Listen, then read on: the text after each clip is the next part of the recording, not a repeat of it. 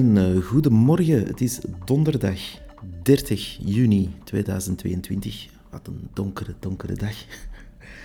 Um, we gaan beginnen. Ik ben niet helemaal wakker uh, na het lezen van zoveel nieuws vandaag en gisteren. Um, dus een snelle update in deze aflevering van Alles voor Bitcoin. Toch nog even zeggen, dit is een uh, reclamevrije Vlaamse Bitcoin podcast. Wij uh, doen dit uh, omdat we achter Bitcoin staan en de Bitcoiners een stem willen geven, omdat dat uh, veel te weinig gebeurt, of eigenlijk niet gebeurt. Dat is het hoofddoel van deze podcast. Uh, je kan ons volgen op Twitter, dat is @avbpodcast.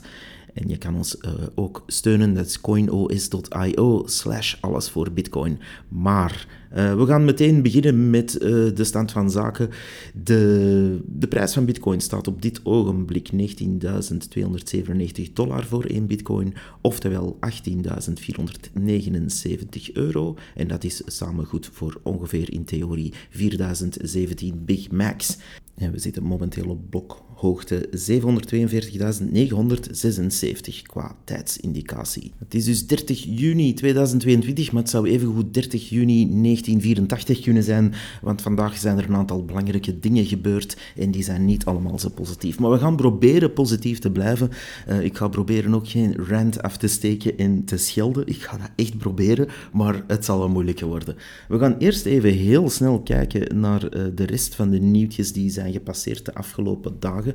Uh, ik ga daar niet te diep op ingaan, maar uh, ik wil ze toch even vermelden. Uh, ten eerste Roger Ver, de vroegere Bitcoin Jesus, die schijnt nog 7, nee, 64 of 47 miljoen, de cijfers lopen uit elkaar, aan een of andere exchange te moeten, na heel het Bitcoin Cash debacle.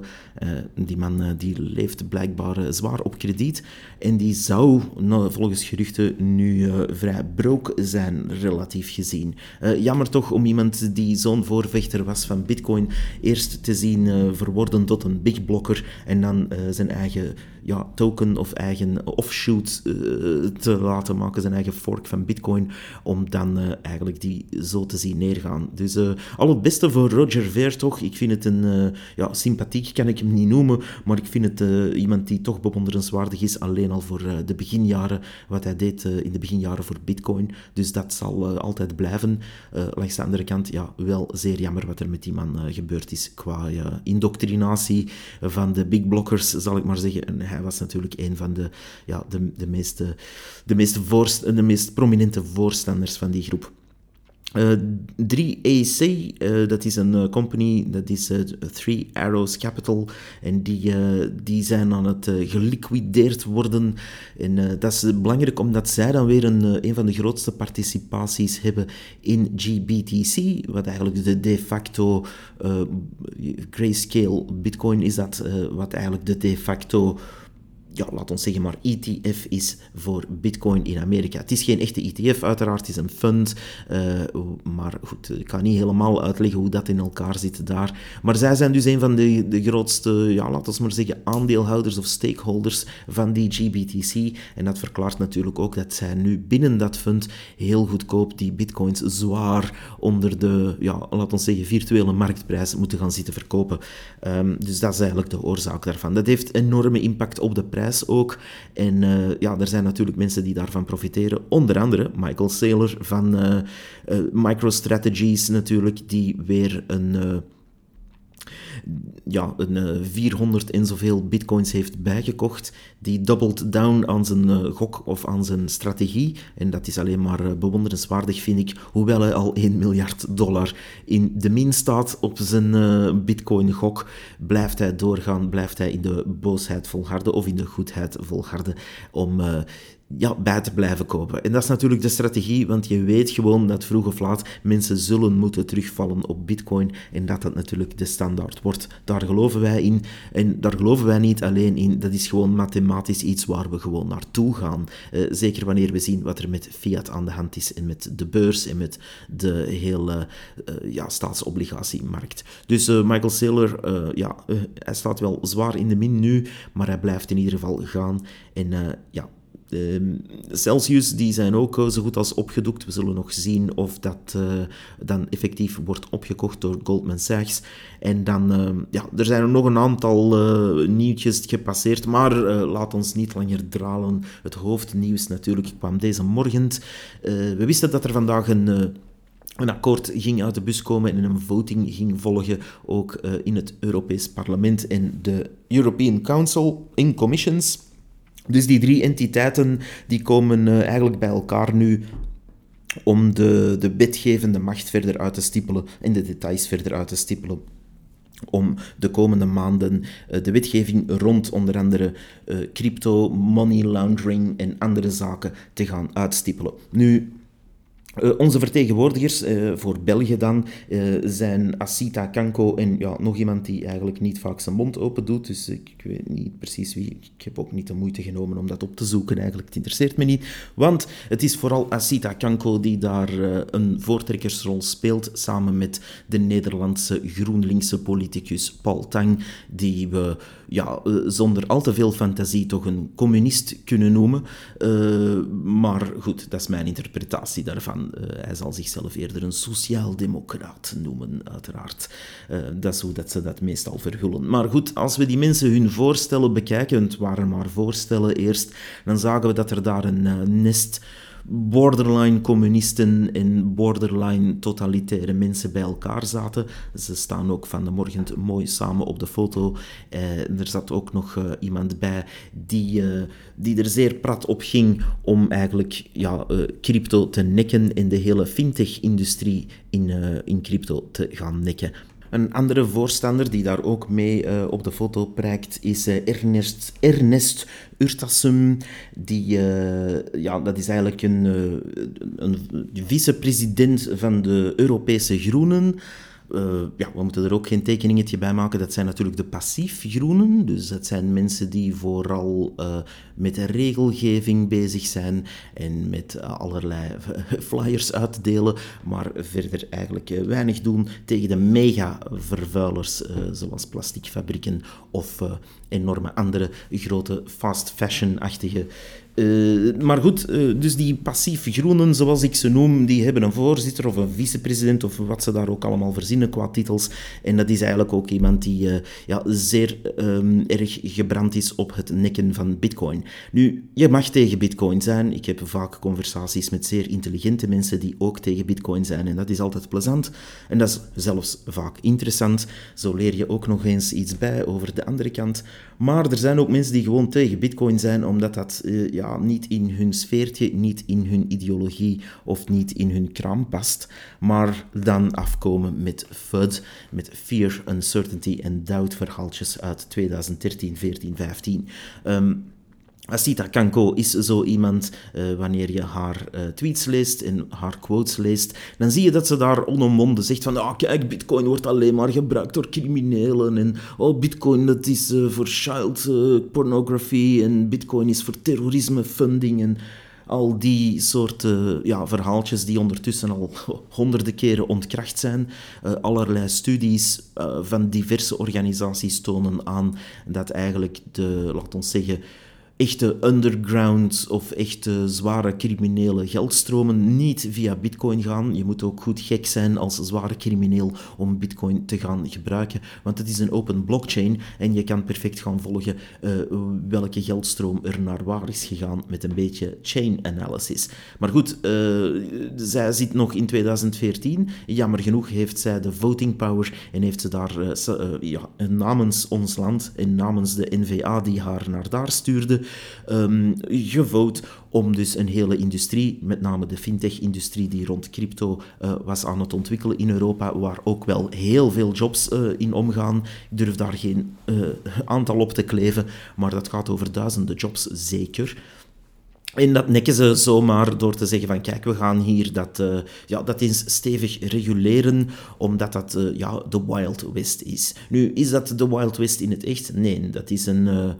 laat ons zeggen, een industrie en een markt die zichzelf nog aan het zoeken was, waar effectief wel ook excessen gebeuren, zoals in elke markt. Uh, dat gaat in de diamantsector of in de goudsector of in de subsidiesector voor landbouw even goed fout. Dus uh, het is niet omdat iets gereguleerd is uh, dat er geen foutjes meer gebeuren, maar het is ook niet omdat er markt nieuw ontstaat dat het alles, alles perfect loopt. Dus de bitcoinmarkt en de cryptomarkt in het algemeen, ja, daar gebeuren ook wel dingen die ja, niet zo fraai zijn. Dat is geweten. Aan de andere kant, wanneer je gewoon puur je bij bitcoin houdt en een hodler bent, of iemand die gewoon spaart in bitcoin, wat uw goed recht is, dan, uh, ja, dan heb je daar eigenlijk niks mee te maken. En die mensen gaat men nu vooral treffen.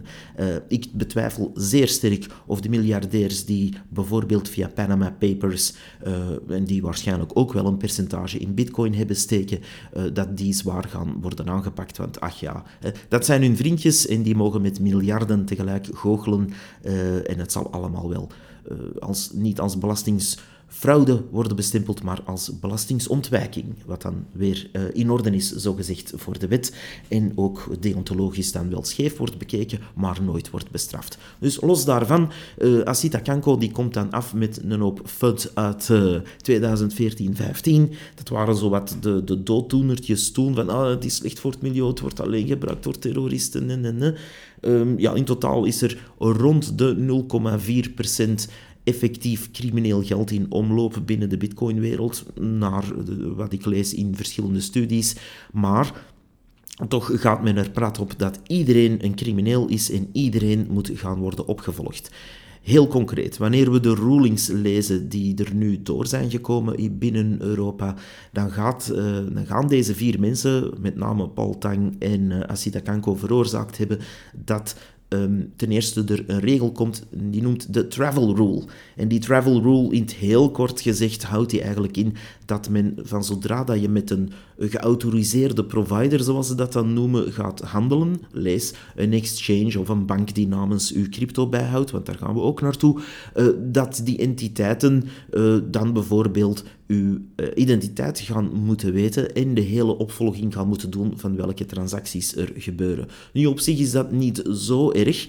Uh, er gebeuren nog andere opvolgingen. Waren het niet dat men hier nog een stap verder gaat en zegt van kijk, dat moet ook voor elk soort bedrag gebeuren en dat moet ook van in het begin gebeuren. Met andere woorden, als ik voor 1 euro bitcoin zou kopen op een exchange, dan moet men niet alleen de voor- en achterkant van mijn uh, identiteitskaart weten, maar dan gaat men ook aan de andere kant moeten bewijzen dat men daar uh, de nodige opvolging doet van wat ik allemaal met die 1 euro doe. En dat dus terwijl er letterlijk 170 miljard open staat te waaien naar Panama, of wanneer er ja, letterlijk voor 2100 miljard geld is bijverzonnen door de ECB en uitgedeeld aan god weet wie. Maar goed, uh, dat soort zaken kunnen hier allemaal door de beugel blijkbaar. Ook banken die een eigen corporate shitcoin oprichten, zoals Katecoin bij KBC, dat is allemaal ook geen probleem. Uh, de U-coins in Antwerpen, waar 9 miljoen euro uh, ja, op een of andere manier is rondgedraaid en ook god weet waar terecht is gekomen. Dus dat is allemaal geen probleem. Die moeten allemaal niet van A tot Z worden opgevolgd, blijkbaar, want dat is van de staat en dat is oké. Ehm, en we zien daar eigenlijk een beetje een structuur in, zoals die uh, ja, in totalitaire regimes ook wel uh, bestaat. Wanneer je, en verzin maar een of ander totalitair regime naar keuze, ik ga er geen noemen, maar wanneer de president of keizer of zelf uitgeroepen dictator uh, of generaal zegt van, ah kijk, maar mijn familie of mijn vrienden en mijn bedrijven, uh, ja, die moeten geen taxcontrole krijgen, die moeten niet opgevolgd worden, hier is 100 miljoen bijgeprint geld, ja, dan gebeurt dat gewoon. Maar natuurlijk, Janneke en Mieke of uh, Jos en Maria in de straat, die hun ene euro gaan we van naaldje tot draadje opvolgen natuurlijk. het zou eens moeten zijn dat ze naar een snoepwinkeltje gaan om daar een zuurtje mee te kopen natuurlijk. Dat mag niet. Um, dus die opvolging wordt een beetje griezelig. Niet alleen griezelig, maar we gaan die Know Your Customer, eh, KYC, overal door onze strot zien geramd krijgen.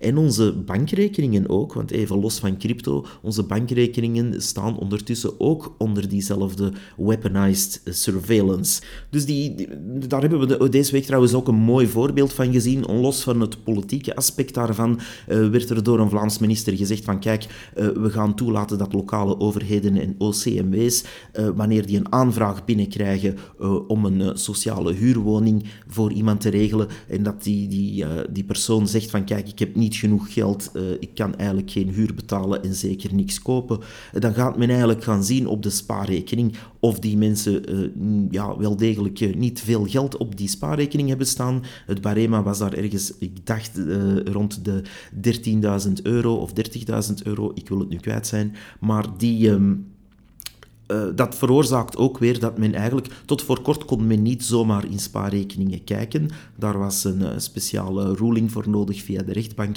Maar met het opheffen van het bankgeheim is eigenlijk een zichtrekening niet meer of minder meer beschermd dan een spaarrekening. Vroeger was daar nog een onderscheid tussen, maar dus sinds kort niet meer.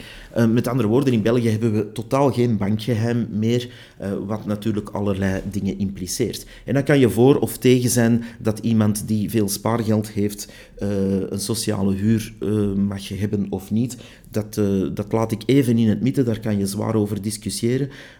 maar het erge is eigenlijk dat men om welke reden dan ook gewoon op iemand zijn spaarrekening kan meekijken. stel maar voor dat u erg arm bent, maar u wilt voor uw kind sparen en u gaat 30 jaar aan een stuk met eh, bloed, zweet en tranen sparen voor uw kind om toch iets na te laten, zodat dat kind de volgende generatie uh, haar of zijn leven kan verbeteren. En dan word je eigenlijk gestraft omdat er uh, door politici allerlei permissies worden ingebouwd. Ik denk dat er ook wel andere manieren zijn om sociale fraude, die er in zeer uitzonderlijke gevallen wel zal zijn, om die aan te pakken. randvraag hier rond is ook met weaponized bankaccounts, wanneer u dan toch bepaalde bepaalde soorten mensen die zouden profiteren gaat targeten. Want het kwam natuurlijk van een rechtspoliticus, dus we kunnen al uh, zien in welke richting die kijken voor het profitariaat. Um, wanneer u dat uh, gaat targeten, dan vraag ik me ook af, gaat u dan ook op de spaarrekening in Pakistan of in Afghanistan uh, gaan kijken? Ik denk het niet. Dus met andere woorden, ja, uh, men gaat weer zoals gewoonlijk de kleine man in de straat nekken, pakken, surveillance op hun nek gooien. En dat is met crypto niet anders. Men gaat dus hier ook een uh, travel rule invoeren, waarmee dus uw, uh, ja, uw interacties met allerlei officiële goedgekeurde instanties, zoals een exchange, zoals een, ja, een of andere crypto broker, dat gaat men allemaal willen opvolgen, van naaldje tot raadje met uw ID erbij. Is dat al veel anders dan wat er nu is? Nee, maar eh, daar komen nog andere regels bij die het wel erg maken. Namelijk de ruling, de tweede ruling is over unhosted wallets.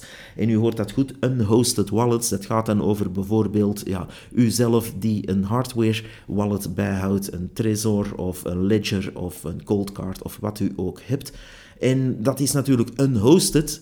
Um, omdat dat niet bij een door de Europese klauwen gecontroleerde bedrijfinstantie uh, zit.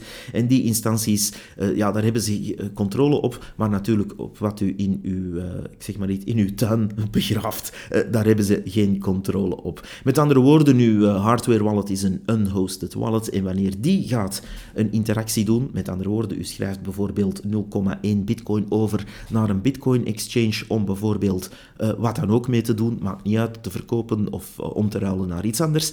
En dan gaat men eigenlijk zeggen, ja kijk, uh, die transactie die komt van een unhosted wallet.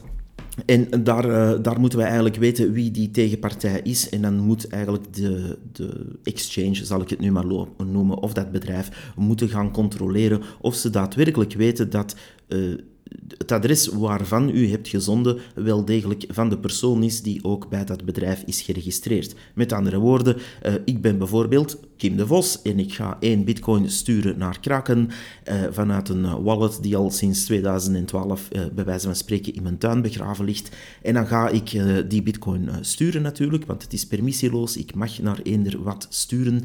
En aan de andere kant zeggen ze, oei, wij gaan mooi de, de EU communistische regels opvolgen en wij moeten nu weten waar die bitcoin vandaan komt en of u wel controle hebt op dat adres waar die bitcoin vandaan komt. En dan gaat men zeggen, ja kijk, uh, wij gaan die bitcoin hier wel zetten, wij gaan die al vasthouden, wij gaan die al uh, lokken voor u, zodat hij daar niks meer mee kan doen. En wij gaan natuurlijk uh, ook vragen of u uh, ja, uw schoenmaat even kan doorgeven, de voor- en achterkant van uw identiteitskaart eh, kan fotograferen. Misschien ook nog een gijzelingsvideo opnemen met de krant van vandaag, zodat u zeker kan zijn dat u het wel bent en dat dat uh, is opgenomen. En waarom niet, uh, stuur ons ook even een lijstje door van wat u zoal graag eet.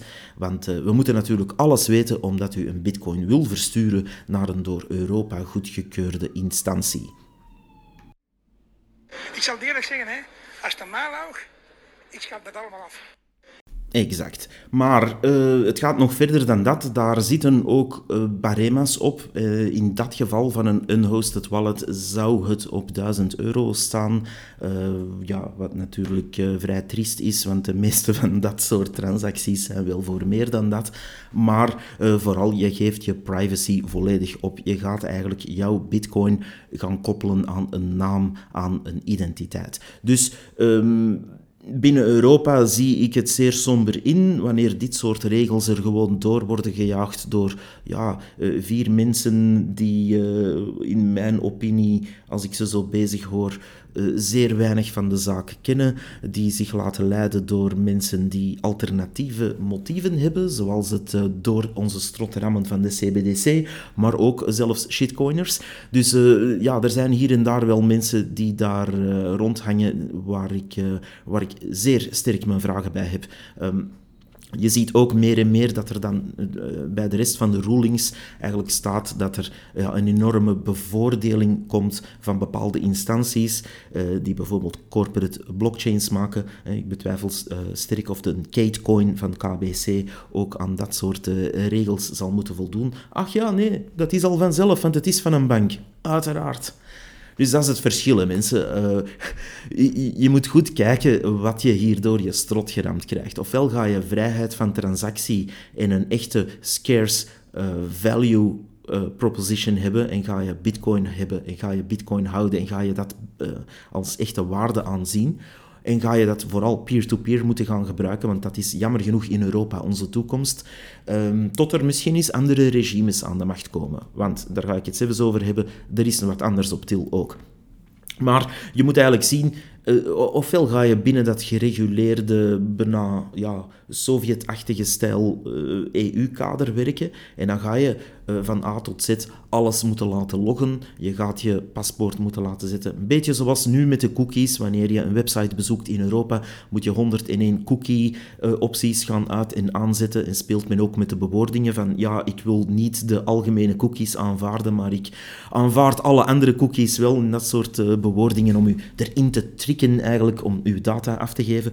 En dat soort dingen gaan dus ook gebeuren met ons geld. Wanneer je bijvoorbeeld op een of andere ja, uh, shitcoin of uh, een of andere exchange wil gaan traden, dan ga je natuurlijk ook weer door allerlei hoepeltjes moeten springen en fotootjes, moeten trekken en je EID-kaart erbij houden. Of achterin de Gov-app natuurlijk, want achterin hebben we allemaal een app waar we op betaald worden en waar we onze levensuitkering en consumer tokens op krijgen om in dit soort Sovjetkamp te mogen geld uitgeven aan sardientjes in blik.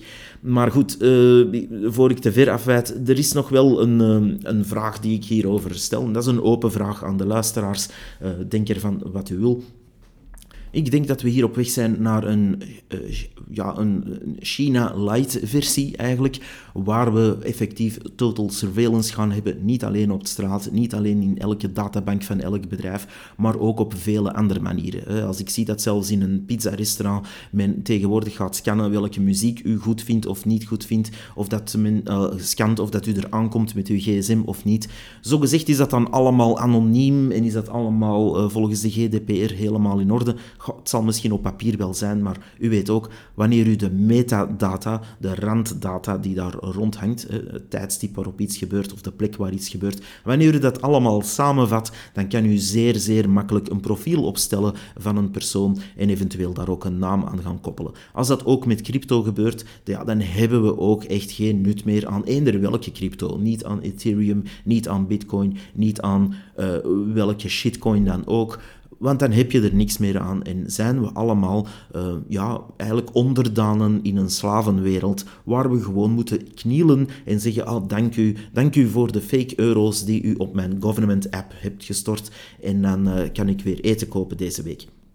Als we daar naartoe willen, ja, fijn, blijf dan vooral stemmen op mensen als Asita Kanko of op de communisten of op de fake groenen. En dan kunnen we, uh, terwijl dat de plasticfabrieken op de achtergrond uh, zooi in de lucht blazen, kunnen we tevreden zijn met hoe men bitcoin heeft genekt. Uh, als dat de wereld is waarin ze willen leven, ja, fine by me. Maar stilaan wordt de optie duidelijk dat uit Europa gaan meer en meer de optie wordt. Want dit kan maar twee manieren opgaan. Ofwel gaat men nog meer totalitair worden en gaat men nog meer opvolgen, nog meer surveillance doen en eigenlijk alle economie uh, die er vanzelf broeit. En ja, daar zit ook wat grijs tussen, daar zit ook wat zwart tussen. Dat is nu eenmaal des mensen. Dat is niet goed, dat is niet slecht, dat is gewoon zo. Uh, ofwel gaat men die kleine man dus blijven totalitair nekken met alle gevolgen van die politiek, want dan moet je op een bepaald moment toegeven dat je geen democratie meer bent, maar dat je eigenlijk gewoon een staalhard totalitair regime bent. Ofwel gaat men vroeg of laat bitcoin omarmen. En het key element, in mijn opinie, is hier de performantie van de echte euro. En dan heb ik het niet over de CBDC en al de andere randgevallen die ze gaan nog gaan uitvinden, maar de echte waarde van de echte euro, in welke vorm dan ook. Met andere woorden, hoe goed doet onze Europese economie het in het echt. En dan heb ik het niet over de cijfertjes en over de gemanipuleerde data. For real. Als u zelf rondkijkt, Ziet u het dan goed uh, gaan of niet? Ik zie meer en meer mensen werkloos worden. Dat begint stilletjes aan uh, ja, sneller en sneller te gaan. Ik zie meer en meer uh, zaken die toch het heel, heel moeilijk hebben en moeten gaan kiezen tussen knoeien met de kwaliteit en met de prijs omhoog gaan of sluiten. Ehm, maar we zien ook meer en meer mensen ja, echt wel problemen krijgen om uh, in deze inflatie van 10% ondertussen op jaarbasis te gaan overleven. En dat zijn dan natuurlijk de officiële cijfers. We weten dat die inflatie in het echt uh, vele malen hoger ligt. Dus wat gaat er eerst barsten eigenlijk? Wat gaat er eerst barsten? Gaat hun economisch fiat-systeem barsten en gaat de euro zoals we die nu kennen neergaan? Of, van vorm veranderen, want dat is men eigenlijk nu aan het proberen door een devaluatie in te voeren achtereen en ons via een CBDC volledig te gaan controleren. Of aan de andere kant um, gaat uh, tegelijkertijd dan bitcoin de overhand halen, omdat mensen opeens het licht hebben gezien en zeggen van, ah ja, maar dat is niet gecontroleerd door een staat, dat is uh, eindig, dus je kan daar niet zomaar van bijprinten en dat kan ik permissieloos gebruiken. Um, ja, dat, dat is het alternatief. Of het andere alternatief is, als zij winnen, ja, dan gaat hun totalitair regime uh, ja, verder uitbreiden in plaats van bitcoin te omarmen. En dan moeten ze wel hun euro laten werken. Want je kan niet tegelijkertijd zeggen, oh, kijk, we gaan uh, bitcoin volledig afmaken en we gaan binnen Europa zorgen dat bitcoin zo moeilijk mogelijk wordt om nog te gebruiken. We gaan het eigenlijk van een permissieloos iets naar een permissie iets uh, maken. Um, dat is eigenlijk wat men nu in de core aan het proberen is. Als A naar B permissieloos kan zenden, men gaat daar eigenlijk ja, een Europees soort Stasi-instantie tussen zetten om te zeggen, ja, maar kijk, nee, nee, je moet toch je passen sturen. Je mag niet zomaar van A naar B sturen. Dat is eigenlijk wat men nu kunstmatig gaat doen of proberen te doen. Aan de andere kant, ja, uh, je moet dan wel zien dat uw echte Europese economie werkt. En dat de mensen daar ook in blijven geloven. En dat geloof is wel zien de ogen aan het afbouwen. Dus ik zie daar een mooie strijd in. Want ofwel gaat het ook ineens omkeren, dat de mensen hun geloof in die Europese instanties en vooral de munt gaan verliezen. En dan gaat onder andere bitcoin enorm, enorm hard stijgen. Ook niet alleen qua prijs, maar vooral in gebruik. En dat zou ik heel graag zien natuurlijk. Maar het kan even goed omgekeerd gaan dat men dat erdoor ramt en dat 90% van de ja, sheeple of de mensen die zeer graag voor alles twee, drie keer betalen hier in België, uh, dat die uh, ja, zich ook weer laten bedotten en dat die zich ook weer laten vangen en zeggen, ja, maar zo'n CBDC, dat is eigenlijk wel goed, uh, dat, zo'n digitale euro, kijk, krijg ik mijn wedden hier ineens op, op de app en ik kan er meteen mee naar de winkel... En die winkelier is ook content, want die moet nu niet meer 9 cent per transactie betalen. Super. Dus uh, ja, men gaat natuurlijk de mensen op die manier vangen, terwijl dat men niet ziet van, ai, ja, maar ik ben blijkbaar lid van een vakbond die ze niet meer goed vinden, of die heeft geprotesteerd tegen iets en nu, uh, nu staat mijn appje dicht, en men heeft mij gestraft. En dat zal komen. Dus dat klinkt nu als science fiction. Het zal komen. We gaan hier binnen de vier, vijf jaar zien dat er mensen effectief hun appje, waar ze hun zogenaamde waarde, hun Mickey Mouse euro's, opkrijgen, dat dat wordt dichtgezet, omdat ze die persoon niet oké vinden. Om welke reden dan ook. En ze zullen altijd iets vinden. Hij is niet groen genoeg, of hij is bij een of andere uh, extreme groepering of partij, of wat dan ook. Of een administratieve vergissing, die dan toevallig altijd gebeurt bij uh, mensen die ze niet goed kunnen uitstaan. Men zal daarmee knoeien. En dat heb je niet met Bitcoin. Als ik één Bitcoin heb op een uh, hardware wallet, dan staat die daar morgen ook nog en overmorgen ook nog. En als ik daar niet aankom, staat die er binnen tien jaar ook nog. En daar heeft eigenlijk niemand iets over te zeggen. Men kan niet zomaar zeggen, ah, maar nu is dat 10 Bitcoin waard. Of nu is dat nog maar 1 tiende waard. Men kan niet zomaar daarmee zitten knoeien van op afstand. Of men kan niet zeggen, zoals met uw spaarrekening weldra zal gebeuren, van, oh kijk, um, we gaan een vermogensregister invoeren. Uh, ja, kijk, we hebben even genoteerd hoeveel u hebt. Of we gaan, uh, ik zeg maar niet, 10% als een staatslening uh, opeisen van uw spaargeld. Dat kan niet zomaar bij Bitcoin. En daar heeft men natuurlijk een heilige schrik van, want men weet dat hun systeem ziek is. En kapot gegokt is in 2009. Men weet dat. Men heeft toen ja, over de 2000 miljard bijverzonnen en quantitative easing gewijs in de economie gepompt om zogezegd het uh, vertrouwen te herstellen. En wat is er met dat vertrouwen gebeurd? Er is maar één ding gebeurd. Daar hebben de groten enorm van geprofiteerd om de stocks uh, en de, de aandelenmarkt tot enorme hoogtes te blazen. Uh, de, de, de gewone man is daarmee ingetuind, meegeholpen door de collaboratiemedia die niet anders deed dan van ja, maar sparen brengt niet op eh, kom naar de beurs, kom naar de beurs. En Janneke en Mieke zijn er na vijf, zes jaar twijfelen eindelijk mee ingestapt in die beurs en dan gedaan. nu gaat uh, de deur terug dicht. En nu zitten we hier. Nu zitten we hier. Verarming alom, inflatie alom. En hier komt men met hun uh, ja, quantitative tightening en hun uh, total surveillance geld. willen we dat? Ik denk het niet. Ik denk dat de meeste mensen toch een uh, zekere vrijheid willen. Uh, wanneer ik sommige zaken binnenstap, ja, weet ik dat er hier en daar ook wel eens gefoefeld wordt met de boekhouding of iets in zwart gebeurt. Ga eender waar in uh, een grootstad iets drinken en de kans is enorm dat u dat u bij wijze van spreken uh, zwart bier bent aan het drinken, als u begrijpt wat ik bedoel. En ja, dat is gewoon iets dat in de economie leeft. Moet je daartegen strijden? Ja, tot op een bepaald niveau wel. Je mag dat ook niet laten ontsporen tot heel je economie één grote corrupte boel is die niet meer werkt. Want dan krijg je Afrikaanse toestanden waar in bepaalde landen niks nog werkt omdat het één grote corruptie is.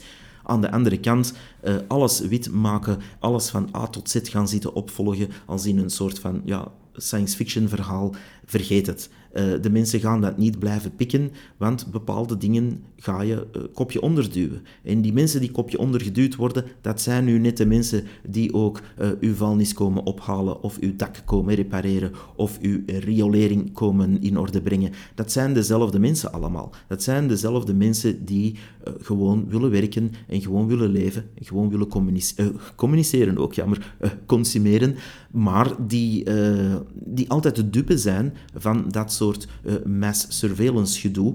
En ja, die fiat-controle die dus nu totalitair wordt en waar Europa duidelijk heeft laten blijken dat ze nu de richting van China uitgaan, daar moeten we denk ik enorm hard uh, ja, tegen strijden en vooral informatie verspreiden. Wanneer mensen daar vragen over hebben, uh, leg dat dan even uit dat het niet zomaar kan dat je voor alles permissie moet gaan vragen. Dat je voor elke kleine transactie, vanaf 1 euro zelfs, moet gaan smeken van oh, mag ik ze alsjeblieft wel doen? En dat komt er nu aan en ja, bitcoin is vrijheid, maar dat blijft natuurlijk niet duren wanneer we aanvaarden dat allerlei instanties die vrijheid gaan beknotten door zich daar wat tussen te duwen als een middleman. In ieder geval om af te sluiten, want anders blijf ik ranten hierover. Um, lees zeker die ruling um, die... Uh, ja, op Twitter staat het er uh, vol van. En anders uh, zou ik zeggen, volg AVB Podcast op Twitter. Um, en daar heb ik ook een, een aantal links gepost. En dan kan je die rulings zelf lezen. Er staan hallucinante dingen in. Dingen waarvan ik nooit had voor mogelijk gehouden dat men dat er hier klakkeloos ging doorstemmen. Ik vermoed wel dat er bij de uiteindelijke uitvoering nog heel wat euvels uh, gaan opduiken. Ik uh, zie bijvoorbeeld niet in dat de bedrijven die hier actief zijn in de fintech-sector dit zomaar gaan slikken. Um, dus ik vermoed dat er daar nog wel wat aanpassingen gaan gebeuren. Maar de toon is in ieder geval gezet. We gaan richting China Light. En uh, ja, wat u daarmee doet met die informatie, dat laat ik aan u over. Als bitcoiner zou ik in ieder geval zeggen, keep your bitcoin from the exchanges. Alsjeblieft, laat niks op de exchanges staan, want het gaat een uh, ramp worden. U gaat niet meer aan uw bitcoin kunnen, dus haal het alsjeblieft af. En ja, uh, ga doordacht om met wat je doet en met welke instanties je omgaat. Um, dit surveillance game is not a drill. Uh, men heeft dat al wel eens geprobeerd, uh, ik dacht twee of drie jaar terug, uh, heeft men dat geprobeerd, die travel rule in Zwitserland. En dat is falikant afgelopen, omdat elke provider gewoon zei van, nee, wij doen niet mee. En de wallet providers, eentje had het al wel ingezet en die heeft het dan ook weer weggehaald. Ik dacht dat dat Trezor was.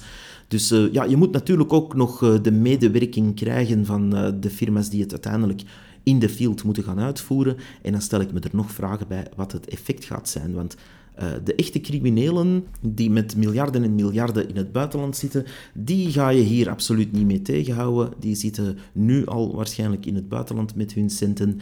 En uh, ja, wie er gepakt gaat worden, dat zijn natuurlijk de mensen die eens voor 10 euro bitcoin hebben gekocht of uh, die dan nu die, die funds niet meer loskrijgen van een of andere exchange. Dus ik zou zeggen, nu het nog kan, nu die regels nog niet in wet zijn gegoten en nog niet in de praktijk zijn omgezet, ik zou zeggen, haal uw bitcoin van de exchanges. Dat, uh, dat kan ik u al verzekeren, dat dat uh, sowieso een uh, goede zaak is. Zelfs los van deze ruling is het natuurlijk altijd beter om uw eigen sleutels, uw eigen keys te hebben. Aan de andere kant, voor de mensen die denken, ah, ik lees HLN en ik zit helemaal safe, want ik zag dit al lang aankomen hoor, ik zie al tien jaar dat bitcoin niks wordt. En ik heb mijn centjes mooi op de spaarrekening gezet bij de grootbank. Wel, voor die mensen zou ik zeggen, slaap rustig verder. Geloof in de EU. En spaar rustig voort op uw spaarrekeningetje. Het zal u zeker, zeker lonen aan 10% inflatie. En bij een staat die absoluut op zoek is naar eender welk geld om hun falend systeem nog eventjes te repareren en te plakken als een kapotte fietsband die al 50 keer fit is geslagen. Uh, men blijft er maar klevertjes op kleven, maar ooit uh, rijdt het natuurlijk echt niet meer en moet je een nieuwe band gaan kopen. Dus ik zou zeggen, blijven sparen bij die grootbank, uh, blijven aan min 4%